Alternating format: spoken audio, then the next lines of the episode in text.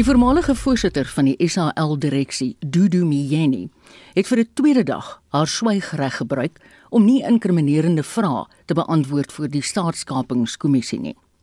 Onder die loop was haar verhouding met senior voormalige Bosasa bestuurders, asook die staande item in die Bosasa omkoopgids, veiligheidsopgraderings vir politici en diegene in belangrike poste. Mieni wou nie uitwy oor die aard van haar verhouding met die ontslape Bosasa baas Gavin Watson nie, uit vrees vir selfinkriminasie. Na bewering het sy maandeliks 300 000 rand van Bosasa ontvang om in die bankrekening van die Jacob Zuma stigting te deponeer. Sy het ook glo vervoervoordele en veiligheidsopgraderings van 500 000 rand ontvang. Ander getuies het vroeër aangevoer dat Mjeni vergaderings tussen die senior Bosasa bestuurders en oud-president Zuma gereël het. Hoewel Mjeni die ontmoetings in 'n verklaring aan die kommissie bevestig het, was dit eenrigting verkeer. Advokaat Kate Hofmeyer, die getuieleier. I vehemently deny these allegations. The meeting did in fact take place in Nkandla. There was no alleged bag of cash that was handed over to the president and that statement is denied. Ms. Meany, as I understand this paragraph, you are confirming here that at least one meeting did take place at Nkandla involving uh, Mr. Agreezy. Is that correct? Chairperson, may I not respond to the question um, so that I don't incriminate myself?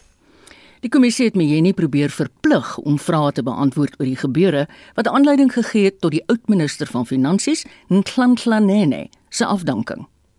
Volgens Mjeni se regspan is hulle versigtig na die inhegtenisneming van talle getuies wat voor die kommissie verskyn het. Adjunk hoofregter Raymond Zondo het gemaan dat Mjeni nie 'n skulderkenning doen deur vrae oor 'n vergadering tussen Nene en Zuma te beantwoord nie. I've listened carefully to my learned friend. Uh, the one thing I haven't heard him do is identify a crime that answering these questions could possibly lead to. I've heard about adverse findings being made. I've heard about adverse findings potentially indicating improper conduct. But I have not yet heard the identification of a crime, and I think that that is something that would weigh with you as you decide whether to exercise your discretion to require an answer. Dit was die stem van advokaat Kate Hofmeyer, die getuieleier by die Sonderkommissie. Mieni en die ontslape Bosasa baas, Gavin Watson, se pogings om die toekenning van 'n veiligheidstender by SAL te beïnvloed, is ook belig. 'n Verklaring van 'n voormalige tussentydse SAL bedryfshoof, Nico Besuidenheid, onthul dit Mieni die vergadering met Watson gereël het om die status van die tender te bespreek. Die Wes-Kaapse Onderwysdepartement sê hy kan nie skole dwing om matrikulante wat die koronavirus onderlede het op die perseel toe te laat nie. Die nasionale departement van basiese onderwys het van dese week aangekondig dat leerders wat die koronavirus opgedoen het, steeds toegelaat sal word om op afsonderlike plekke by skole te skryf. Maar onderwysvakbonde bevraagteken die besluit.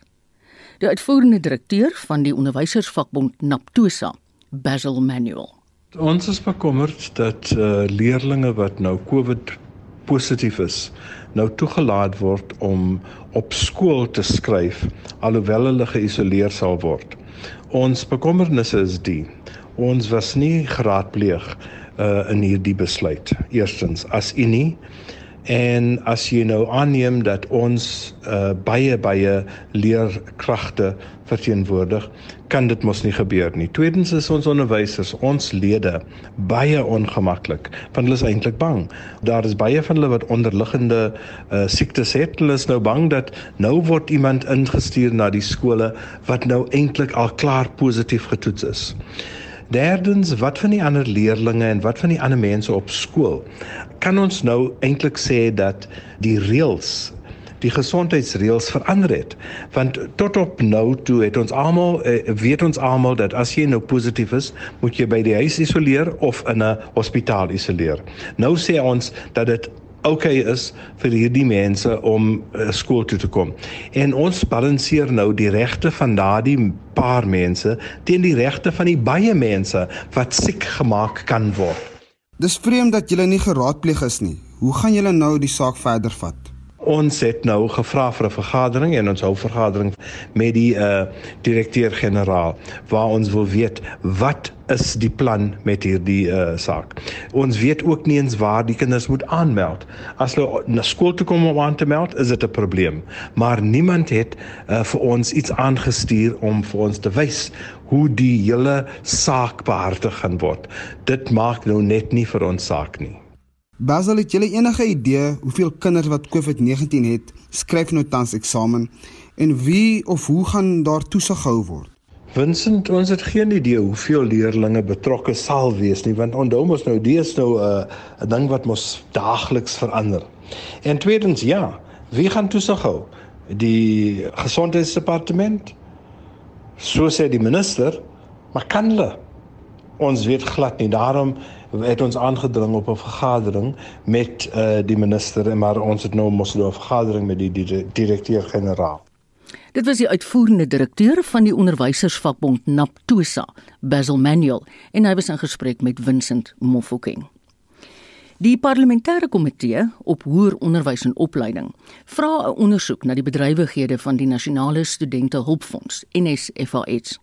Die versoek volg na berigte van 'n aantal onreëlmatige aanstellings van vriende en kennisse van die fondse administrateur. Volgens personeellede van NSFAS is 'n aantal mense sonder die nodige kwalifikasies aangestel of sonder dat die nodige stappe gevolg is. Zelin Merrington doen verslag. Lede van die werkersunie Nahal in die nasionale studente finansiële hulp skema het ernstige kwessies oor wanbestuur teen die skema se administrateur Randall Carolison gemaak onder meer dat hy familielede of vriende aangestel het wat nie noodwendig vaardighede of kwalifikasies gehad het nie en dat prosedures nie gevolg is nie. Carolison erken dat sommige wel sy vriende is, maar hy sê hy was altyd onder die indruk dat die regte prosedures gevolg is. The rules of as far as I understand it, if a post is advertised, anybody can apply for any post. They I cannot upfront uh, just uh, deny people from applying.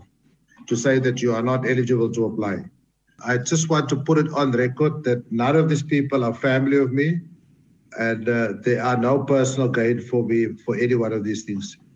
Van die werknemers van die skema, Kagisho Mamabolo, Malika Hildebrand, Marlene Bossett, Buyokazi Dwane en Gilbert Muvavariwa het LPS van die beweerde ongeruimthede vertel.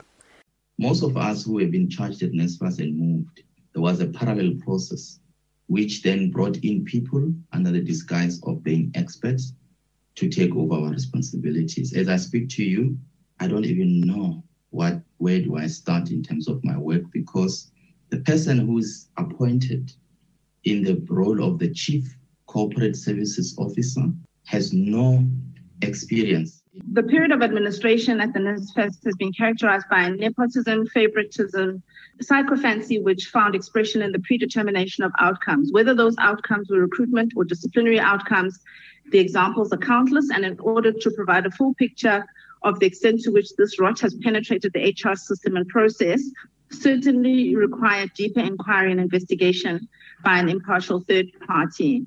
This will just give you a highlight of the culture of fear that exists in NSFAS. One night around July last year, I was working in the office late. There were about five gentlemen with gadgets I've never seen before. So they told me they were debugging. I think certain things were being put into my office to listen to every conversation that I make or any other offices within NSFAS. Die voorsitter van die komitee, Philima Pulane, het die situasie as 'n gruwel beskryf. I must say that the picture that you are painting is a horrible picture. It's a terrible, terrible, terrible picture that I'm listening to here. um, it's it's very depressing actually. The unanimous view is that uh, this must be an inquiry there must be some forensic investigation. There must be a consideration of whether uh, criminal offenses have been committed so that the, it can then be re referred to the relevant uh, law enforcement agencies. Carolus het ontken dat hy ongemagtigde aanstellings gemaak of ondersteun het, asook dat niemand geïntimideer is of dat afluisterapparate in kantore geplant is. 'n Opvolgvergadering word beplan om ander beweringe op te klaar. Zelene Merrington, Parlement. Dis op nerf na kwart oor 12. Die Wes-Kaapse Departement van Omgewingsake sê dat die veldbrandrisiko vanjaar hoër is as vorige jare. Ons praat nou met James Brandstein, die woordvoerder van die Wes-Kaapse minister van plaaslike regering, om omgewingsake en ontwikkelingsbeplanning. Goeiemôre James. Hallo Marita, ek kom julle te wees. Ek is bly jy sê so. Hoekom sê julle dis 'n hoër risiko vanjaar? Die baie van die voorbereidingwerk is 'n uh, bietjie bemoeilik van ja deur die COVID uh, probleme wat ons gehad het. So die die inperkings het beteken dat baie van die uh, werk wat ons gewoonlik sou doen in hoë risikogebiede om uh, uh byvoorbeeld uh, fire breaks te gaan te gaan brand uh dat ek baie van dit wat jy weet ons kon nie soveel doen soos wat ons wou nie en uh, dit beteken en ook die baie lekker reën wat ons gehad het terwyl dit aan die aan die een kant baie goed is uh, het dit ook gelei tot baie ehm um, jy weet bosse en bome en takke wat afgeval het en wat nou lê in slote en in gate en uh, as dit uitdroog dan word dit uh fuel brandstof. Ja. En as daar as daar 'n brand daar deur beskuif dan is dit dan is dit iets wat 'n groot uh, bydra is tot die risiko. 'n Warm, droë en 'n winderige tyd lê nou vir julle voor. Hoe gereed is julle ouens? Kyk, ons is, ons maak altyd voorbereidings. Ons het reeds uh, so 29 uh, vliegtye, helikopters ingekontrakteer. Dit sluit in 'n groot Black Hawk uh helikopter wat ook uh, die vermoë het om in die aand te kan vlieg en waterbomme te kan aflewer in die aand. Uh, die UAVs wat almal so ken is, de, hulle is nie heeltemal in staat daartoe nie. Hy lewer ook ek dink 3 ton teenoor die UAVs wat so 1 en 1 ton se water ja. kan drop. So ons ons het ons het uh, voorbereidings getref. Jy weet ons altyd uh, bystand en spanne en ander provinsies wat ons ook kom by uh, help ja. in die geval van 'n groot brand. Maar die grootste jy weet die grootste die stap om om hierdie dinge te te te te, te tem is om dit te voorkom en dis waar ons vra dat mense ons saam met ons moet werk. James Masowe mense kon dink omdat jy so lekker baie reën gehad het dat die grondwater en die plante groei as sodanig miskien nie so vinnig sal vlam vat nie. Ja, dit is crazy, maar dan het droog vinnig weer uit. Dit ja. jy weet en, en en omdat dit so lekker gereën het, het eh, die veld oral uh, staan lekker hoog. Mm. En uh, omdat die en die, en die inperking het beteken dat die munisipaliteite wat gewoonlik uitstekende wat altyd uitstekende werk doen in die verband van parke Eskom al die groot grondeienaars ehm um, wat beperk in die werk wat hulle kon doen in die veld om okay. onder kragdrade skoon te maak en daai tipe van ding. Dit is ongelukkig uh, is dit 'n bietjie uh, uh, beperk gewees hierdie jaar. Mm. Ons hoor elke dag met die weervoorspelling as daar in sekere gebiede ideale toestande is dat die weerdiens vir ons waarsku en sê weghol veldbrande. Wat se raad het jy vir Kaapenaars om brande Wes-Kaapenaars om brande te help voorkom? Nou, kyk ons het altyd baie wenke en daar's op ons webtuiste ehm um, gelang lys dinge wat mense kan doen. Maar in kort dink ek dit kom meer op twee dinge. As jy 'n brand of rook sien, laat rapporteer dit so vinnig moontlik. Die maklikste nommer om te onthou is maar 112. Moenie aanneem dat 'n brand uh, reeds gerapporteer is nie. Mm. Dis 'n uh, gebiedend noodsaaklik vir ons om so vinnig moontlik by daai brand te kom, veral as die wind so sterk waai. Ons het in die laaste jaar uh laaste paar jaar sê maar tussen 15 en 17000 brande gesien uh per jaar en tot 95% van hulle sit ons uit binne die eerste uur en dit is die goue ja. oomblik die goue mm. uur dis baie belangrik vir almal die sterk wind wat ons kry in die Kaap om so gou as moontlik daar te kom. So dis die eerste punt en die ander punt is wees net verantwoordelik. As die wind sterk waai, moenie nou nie 'n groot buite braai gaan hou nie. Ehm um, en maak seker dat as jy klaar gebraai het, maak al jou koeltjies ja. mooi heeltemal geblus is. Uh jy weet dit is goeie net goeie verantwoordelikheid, uh, wees net uh jy weet paraat. Ja. Ja, wees wakker. Baie dankie James. Dit was James Brandstein, woordvoerder van die Wes-Kaapse minister van plaaslike regering, omgewingsake en ontwikkelingsbeplanning, Anton Bredel. Jy luister na Naweek Aktueel op RSG en nou skuif ons fokus na die buiteland. Die demokratiese kandidaat in die Amerikaanse presidentsverkiesing, Joe Biden, se voorsprong op die president Donald Trump neem toe terwyl stemtellery steeds voortduur. Televisienetwerke weerhou hulle egter nog daarvan om in die stadium na Biden as die wenner te verwys. Biden het so op die stand van sake gereageer. We continue to feel Senator and I we continue to feel very good about where things stand. We have no doubt that when the count is finished, Senator Harris and I will be declared the winners.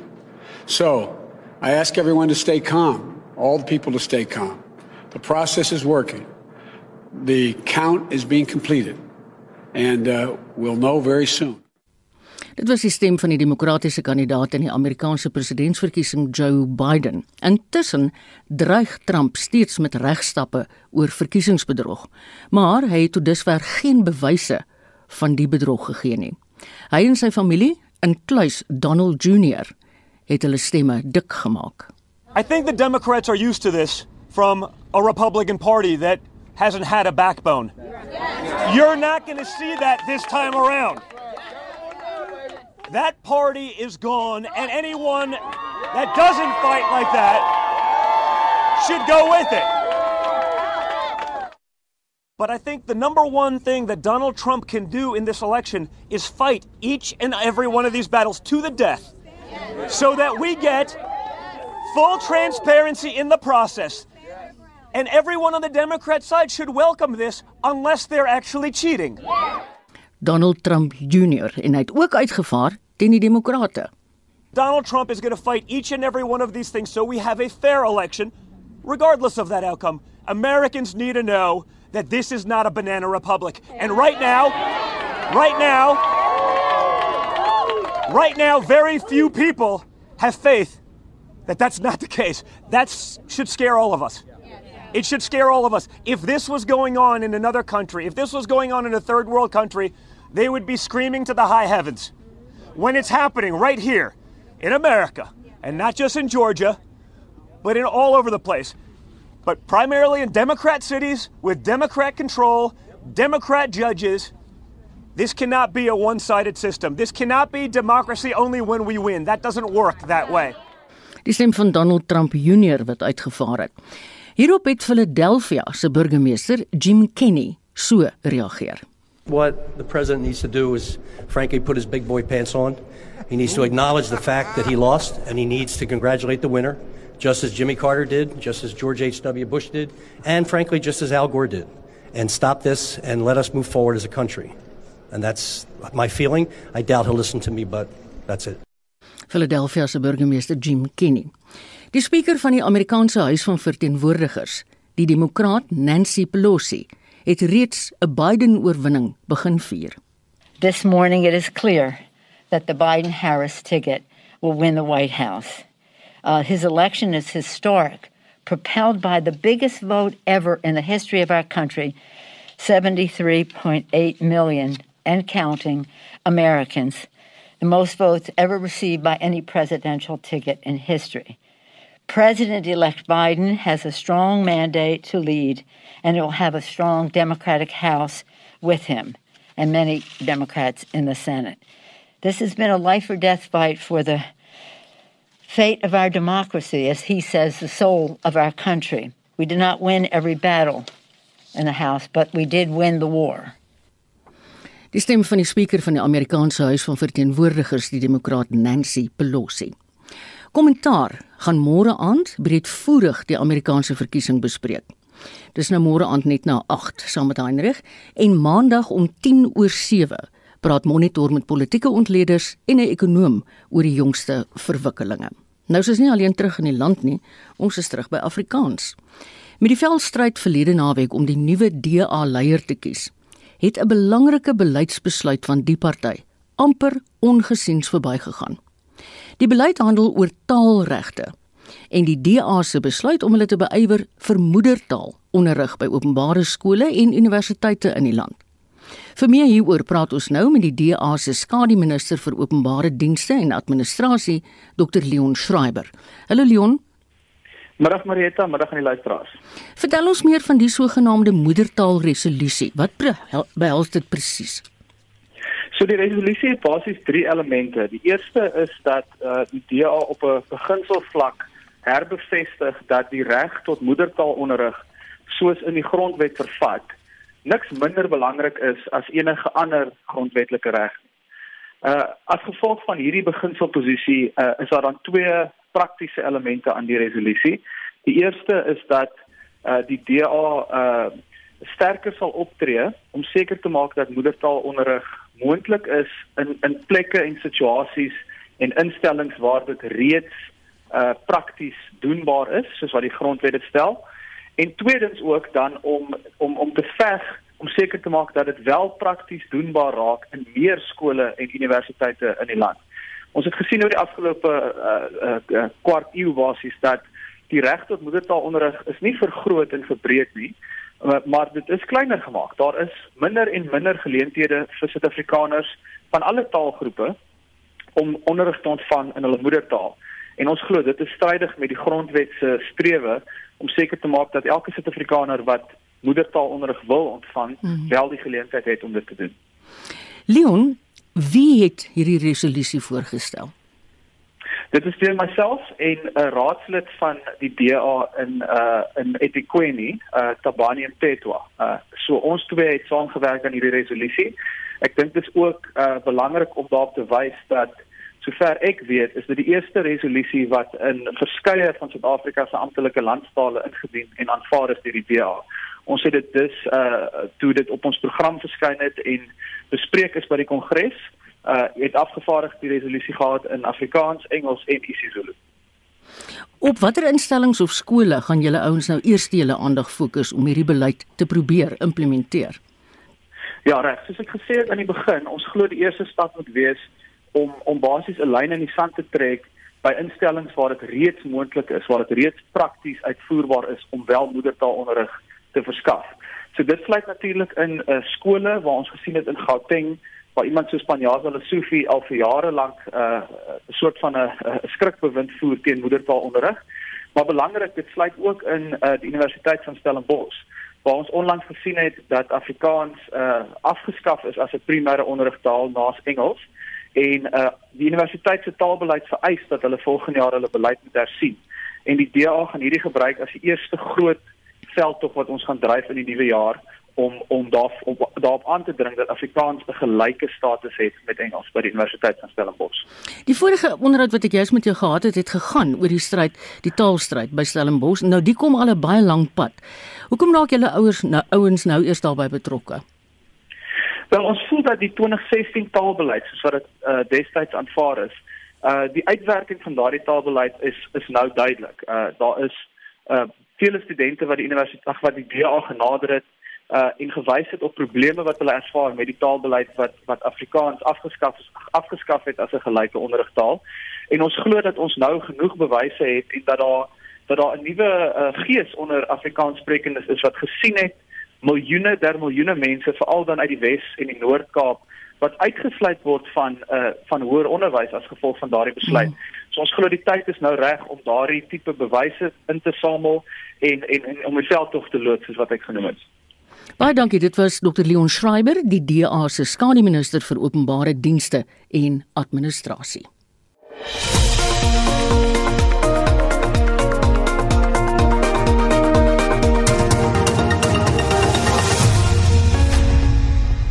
Jy luister na Naweek Aktueel en oor 'n half minuut is dit half 1. Drink vodka en neem 'n sauna. Dis die boodskap van Belarus se president Alexander Lukasjenko nou dat 'n tweede vlaag van die koronavirus in Europa uitgebreek het. Van die eerste dag af het Lukasjenko die pandemie as 'n samesweringsteorie afgemaak. Tog het Lukasjenko 5 dae gelede Belarus se grens gesluit en ook owerhede opdrag gegee om sy eie burgers toegang tot die land te weier indien hulle van die buiteland af sou wou terugkeer. Annelie Jansen van Vuren berig. Die koronavirus het nie net 'n deurslaggewende rol gespeel in die Noord-Amerikaanse verkiesing nie, maar het ook tot opstande in Belarus tydens hulle verkiesing gelei. Gedurende die laaste week het 'n groot deel van Europa weer strenger inperkingsmaatreëls ingestel. Maar volgens 'n politieke vlugteling uit Belarus, Ales Patrusov, het al president van dag 1 af geen veiligheidsmaatreëls ingestel om sy burgers teen die pandemie te beskerm nie. Some countries like Sweden, they also didn't do this, but they did warn people and they rely on people common sense judgment In Belarus, it was opposite. He just denied that coronavirus exists. He been joking around and say, "Oh, can you see virus? I can't see virus, so it must be doesn't exist." Just drink vodka and take sauna. That's his words. But people could see that their close ones, their grandparents, start dying in numbers. Tot onlangs toe het Lukasjenko en sy party nog al die media in die land beheer. Uitsaaiers mag slegs een keer in 5 jaar onderhoude met lede van oppositiepartye gevoer het in aanloop tot Belarus se algemene verkiesing. Maar met vanjaar se verkiesing het die burgers al hoe meer sosiale media soos WhatsApp en Telegram gebruik om hul inligting te kry. Patruso sê op die manier is verskeie boodskappe oor die erns van die koronavirus ook versprei.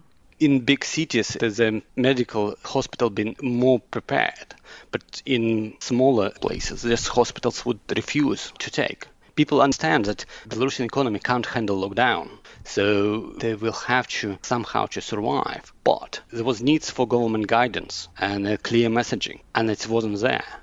Patruso is 3 jaar gelede uit sy universiteit geskop weens sy politieke aktivisme teen Lukasjenko. Hy het ook besef dat hy nooit 'n werk in die land se IT-bedryf sou kon kry nie, omdat hy op 'n sogenaamde swart lys was en sowat 80% van al hierdie werksgeleenthede by staatsbeheerde maatskappye voorkom. En toe het hy nog 'n waarskuwing van sy buurman gekry wat vir Belarus se nasionale vervolgingsgesag gewerk het. Our neighbor who works in prosecution services was aware of my political activities before my parents. He just randomly asked and said, "Oh, does your son member of this organization?" Uh, in Belarus, when you're blacklisted, you just don't have any future because you, it will be very difficult to find a job and I had to make a decision. And at the time, we've lost a major campaign. Lukashenko managed to successfully crack down on our campaign against him. At the time, it uh, had to make a decision, and I made a decision to move to UK. Sedertdien werk Petruso aan sy nagraadse studies in rekenaarwetenskap by Oxford Universiteit. Hy is ook 'n aktiewe lid van die Solidariteitsbeweging vir die bevryding van Belarus in Brittanje. Hy sê die situasie in die land sal slegs verander as die tipe internasionale druk toegepas word soos wat destyds op die Suid-Afrikaanse apartheidsregering geplaas is. Lukashenko in difficult situation. He has no internal support, none.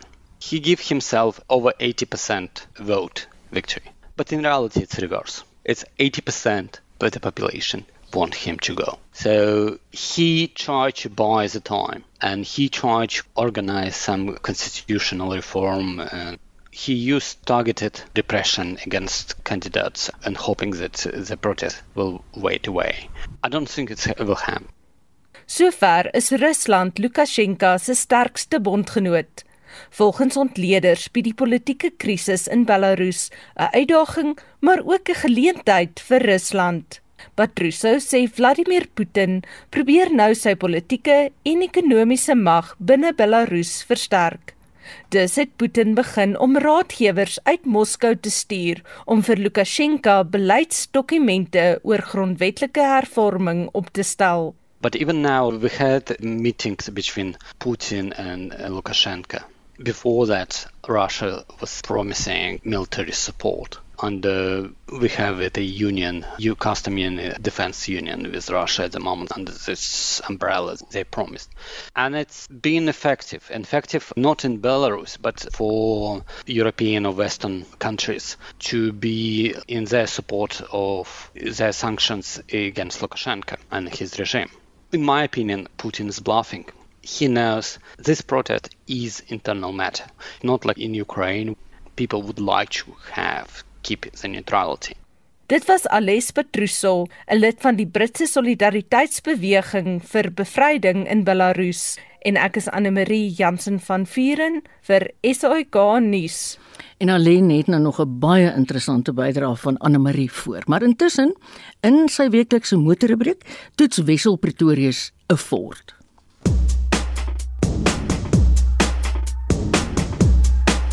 Die verkope van nuwe voertuie het vir 'n 4de maand gegroei. Volgens Naamsa is 38752 nuwe voertuie verlede maand verkoop, steeds 'n kwart minder as Oktober verlede jaar. Noemenswaardig is Suzuki wat verlede maand 'n rekord 2032 voertuie verkoop het en so na die 6ste algehele plek geskuif het. Suzuki se sterverkoper was die Swift met 731 eenhede.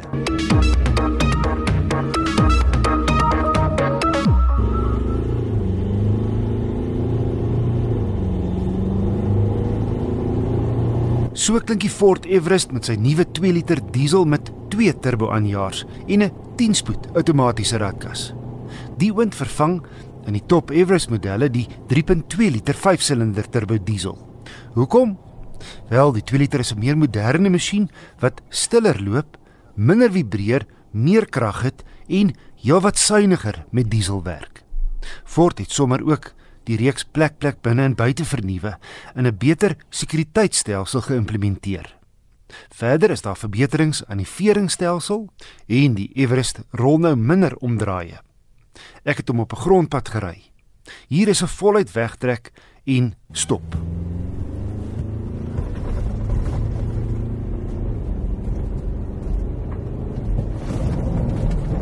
Alles gebeur sonder enige drama. En 'n stuk redelike slegte sinkplatpad het die Everest laglag kaf gedraf. My toetsmodel die Limited 4 trek topmodel kom met 20 duim bande, maar jy kan ook 18 duimers kies soos in die toetskar se geval wat 'n meer gerieflike rit bied. Maar terug na die aandrywing. Die dubbelturbo 2 liter skop effens meer krag uit as die 3.2. 157 kW en 'n fris 500 Nm. Trekkrag is daar volop, hoewel die Everest se gewig van byna 2,4 ton tog 'n demper plaas op verrigting. Is 10 spoed te veel ratte? Miskien, maar die ratte wissel meestal onopvallend. Die ratkas sal self 'n hele klompie ratte oorslaan indien nodig. Hier is ook 'n sportmodus. Jy kan die ratte self skakel en jy kan van die hoë ratte uitskakel wanneer jy sleep. Die vermaakstelsel is opgradeer op 'n groter raakskerm en 'n langlys veiligheidskenmerke op die limited, soos 'n selfstopfunksie wat help om ongelukke te voorkom, asook verkeerwaarskuwing wanneer jy agteruitry, baanverlaat en blindekol waarskuwing, aanpasbare spoedbeheer en semi-outomatiese parkeerhulp. Alle Everest modelle het nou parkeersensors voor en agter met die hulp van 'n trikamera en in hierdie viertrek model se geval sewe veldrymodusse. Uit 'n sondak waarvan die matgedeelte onder die glas outomaties oopmaak voordat die glasgedeelte oopskuif. Die agterbak maak met die druk van 'n knop oop. Die 6de en 7de sitplekke slaan jy af deur 'n eenvoudige knop te druk hier agter in die bagasiebak. Die twee voorste sitplekke is nie net elektries verstelbaar nie, maar kan ook verhit. Ford se Everest Limited teen R819400 is 'n luukse, ruim, besonder gerieflike en in alle opsigte 'n aantreklike sewe sitplek 4x4 wat net baat vind by die nuwe, meer gesofistikeerde masjien. My gemiddelde verbruik was 8.5 liter per 100 km. Aansienlik ligter op die sous as die ou 3.2. Beter waarde lê egter by die effens minder luukse XLT modelle met dieselfde kragbron vanaf R639.300.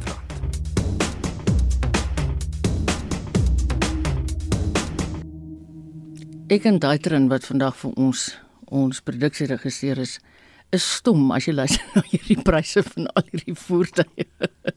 maar nou ja, daar's mense wat dit kan doen, maar hulle werk nie waar ons werk nie. 'n Film noir drama reeks wat teen die agtergrond van die Kaapse vlakte afspeel, word tans in Athlone, Kaapstad vervilm. Amy Jefta, wat onlangs in New York vir haar rolprent Barakat bekroon is, is aan die stuur van die reeks, genaamd Skemerdans. Jefta wou nie te veel van die storielyn weggee nie, maar sy het wel aan Anne Marie gesê dat jazz liefhebbers se voete sal juk terwyl hulle na die reeks kyk. Ja, skemerdans. Die storie speel af in 'n nagklub op die Kaapse vlakte. Die nagklub se naam is die Oasis en die eienaar Glenn Fortune is 'n familieman en 'n ikon in die gemeenskap en hy word vermoor. En die storie handel dan oor wat gebeur met die Fortune familie na hy weg is en wie gaan dan hierdie klub erf en kontrol en natuurlik wie vir Glenn Fortune vermoor. Dis 'n bietjie van 'n hoe dan dit moordreisel thriller reeks. Vertel my van die plek waar jy hulle vervilm. Ons skiet die reeks by die Galaxy West End nagklub in Rylands Athlone. Dis 'n nagklub wat deel is van die Kaapse gemeenskap. Dis in die mid 70 jare gestig, 74-75. En dis 'n gebou wat veral baie breinmense in die Kaap by gejol het en geparty het in hulle jonger dae. Selfs my ouma het in haar tyd daar gaan dans. En ons gebruik die lokasie amper presies soos hy is. As jy die Galaxy in die West End ken en ooit memories daar gemaak het, sal jy hom onmiddellik erken in die storie.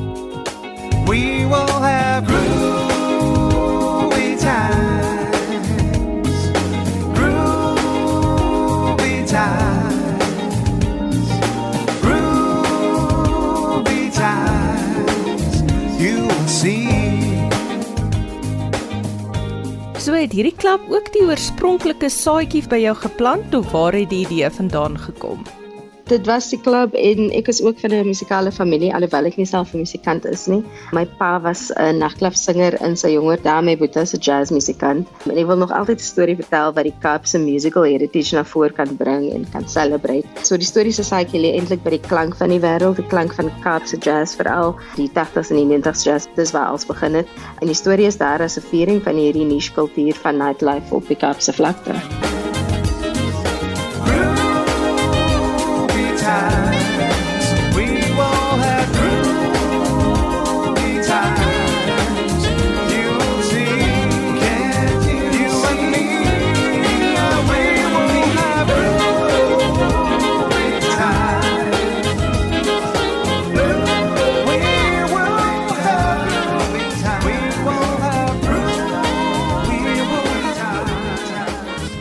Julle is nou besig om te vervilm. Wat is die uitdagings het jy sover gehad en hoe het jy te werk gegaan om dit te oorbrug? Die grootste uitdaging dink ek is om 13 episode so vinnig te vervilm en om dit uit orde te skiet. Ons skiet glad nie kronologies nie. So dit beteken dagliks uur na uur, dag na dag opstel jy 7 ure se storielyne in jou kop. En dis 'n uitdaging, maar dit hou mense ook op jou tone. Jy moet kan weet waar elke karakter sit in elke toneel wat jy dan mee werk. Dis baie kort tyd ons vervilm oor 5 en 'n half weke omdat ons op lokasie skiet. So ons skiet in die regte huise en in natuurlik in die klub en die regte restaurante en op voetrekke straat. So ja, om als in so kort tydjie in te pas is nog 'n uitdaging, maar ons werk met 'n ongelooflike span akteurs en crew wat hierdie uitdaging aangegryp het. En wat almal baie ritme het wat lekker jazz kan dans. Ja, natuurlik. Almal kan moet dans. Dit was deel van die audisie om deel te wees van die span. Die klankbaan speel seker 'n baie groot rol. Vertel ons daarvan, wat het jou geïnspireer? Ek was geïnspireer deur die klankbaan van my eie kinderdae. Daar was altyd musiek in ons huis. Die eerste ding in die oggend, laat in die aand, het my pa series en LPs gespeel, die classics, Motown en smooth jazz en gospel en hy klankbaan was deel van ons lewens. En toe ek begin dink het aan hierdie projek, het ek my broer Benjamin benader om die klankbaan te komponeer vir ons. Dit het onmiddellik sin gemaak omdat ons albei in hierdie wêreld groot geword het en die klank van hierdie wêreld baie goed verstaan en dis sy oorspronklike komposisies en die arrangements wat die storie dryf. So ek sou sê die musiek is self 'n karakter in hierdie storie. Daar is ook liedjies wat jy sê vir jou geïnspireer het. Wat is dit van hierdie liedjies waarvan jy so baie hou? Ek dink Sere Sere my ma se naam is Sere. Dit was nog al 'n Jonathan Butler track wat baie in ons huis gespeel het. Dis amper soos 'n tribute aan my ma en dit was van sy vroeë LP's, sy vinyls van ek was seker 4 of 5 jaar oud toe daardie song uitgekom het.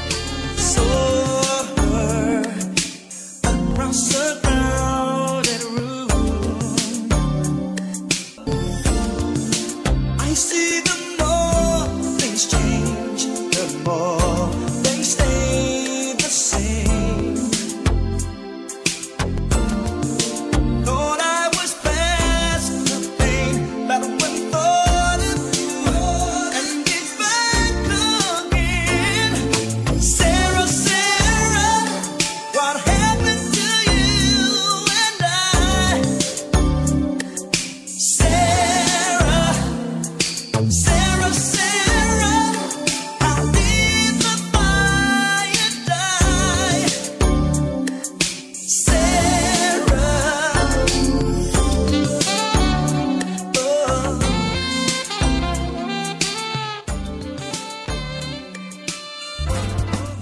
En dan natuurlik Montreal is 'n sang wat ook ikonies is. Die Shilde Trio, weer met Jonathan Butler op die mic. Ek dink daai liedjie is altyd gespeel as mens jy noem dit jazz, die dance jazz, nie die music jazz, jy maar sê jazz, sort of 'n lang arm but with a lot more swing to it.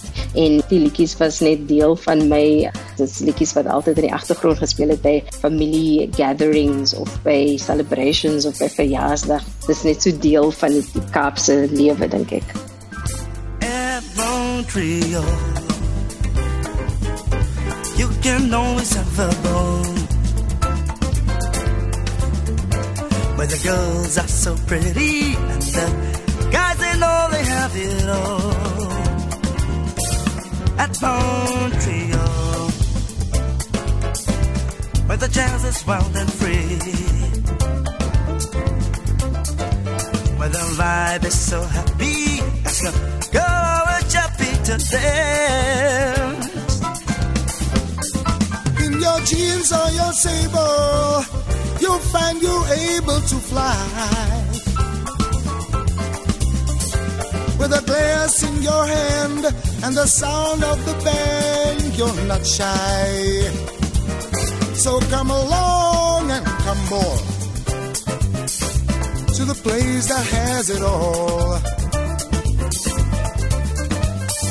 Vibes are so happy, ask a girl or a chappie to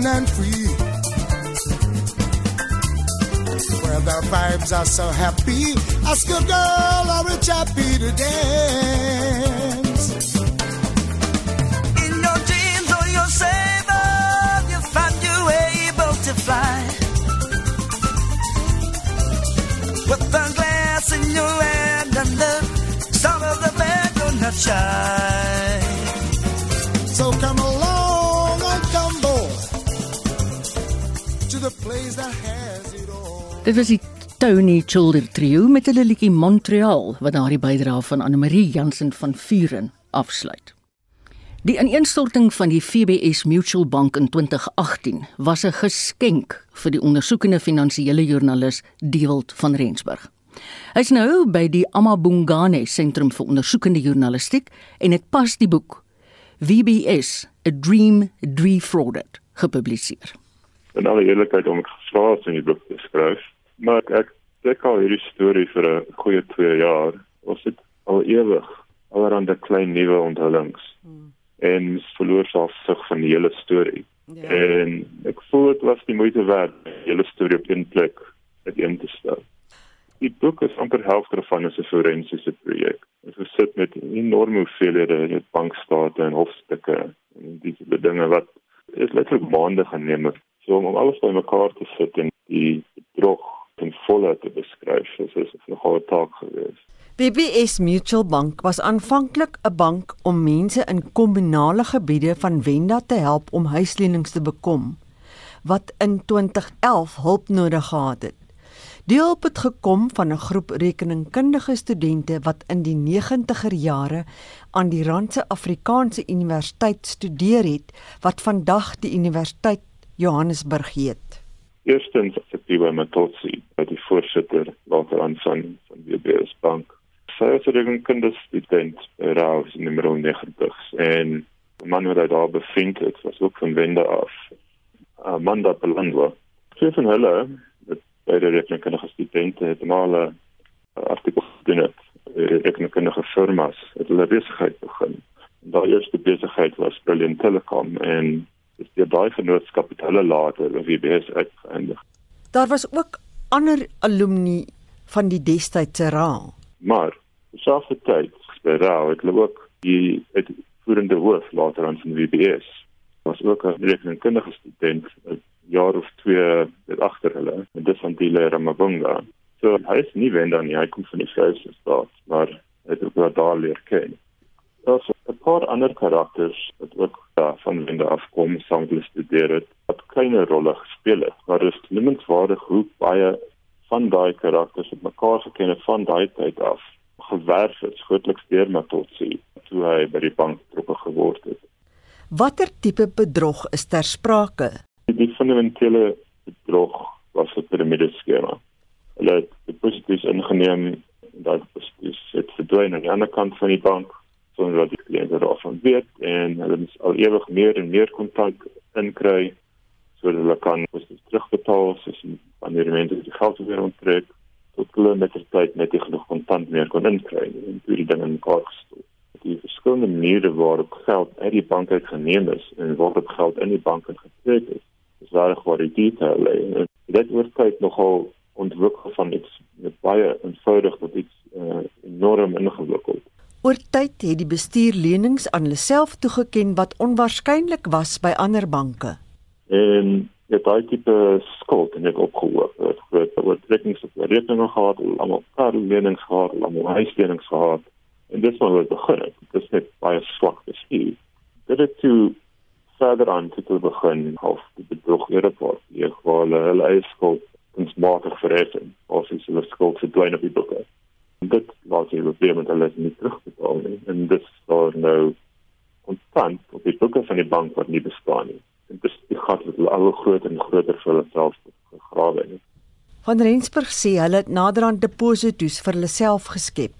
Hulle het letterlik in die bank se stelsel gegaan en sê ek ek het 'n miljoen rand in my rekening en ek kan dit spandeer en dan gaan hulle en koop 'n kar daarmee gaan koop 'n huis daarmee en daai kontant vir daai bank.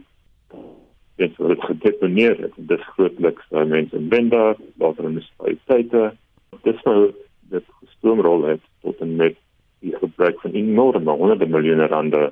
Die onafhanklike beleggingskorporasie, 'n batebestuursgroep wat onder die minister van finansies val, het die meeste geld verloor. So hy was 'n aandeelhouer En die grootste doodstelling het eintlik baie vroeg gekom. Dit was 2014 waar die nuwe bestuur hulle groot omdraai strategie vir die bank om geld by die PRC te kry en dit te gebruik vir 'n nuwe projek.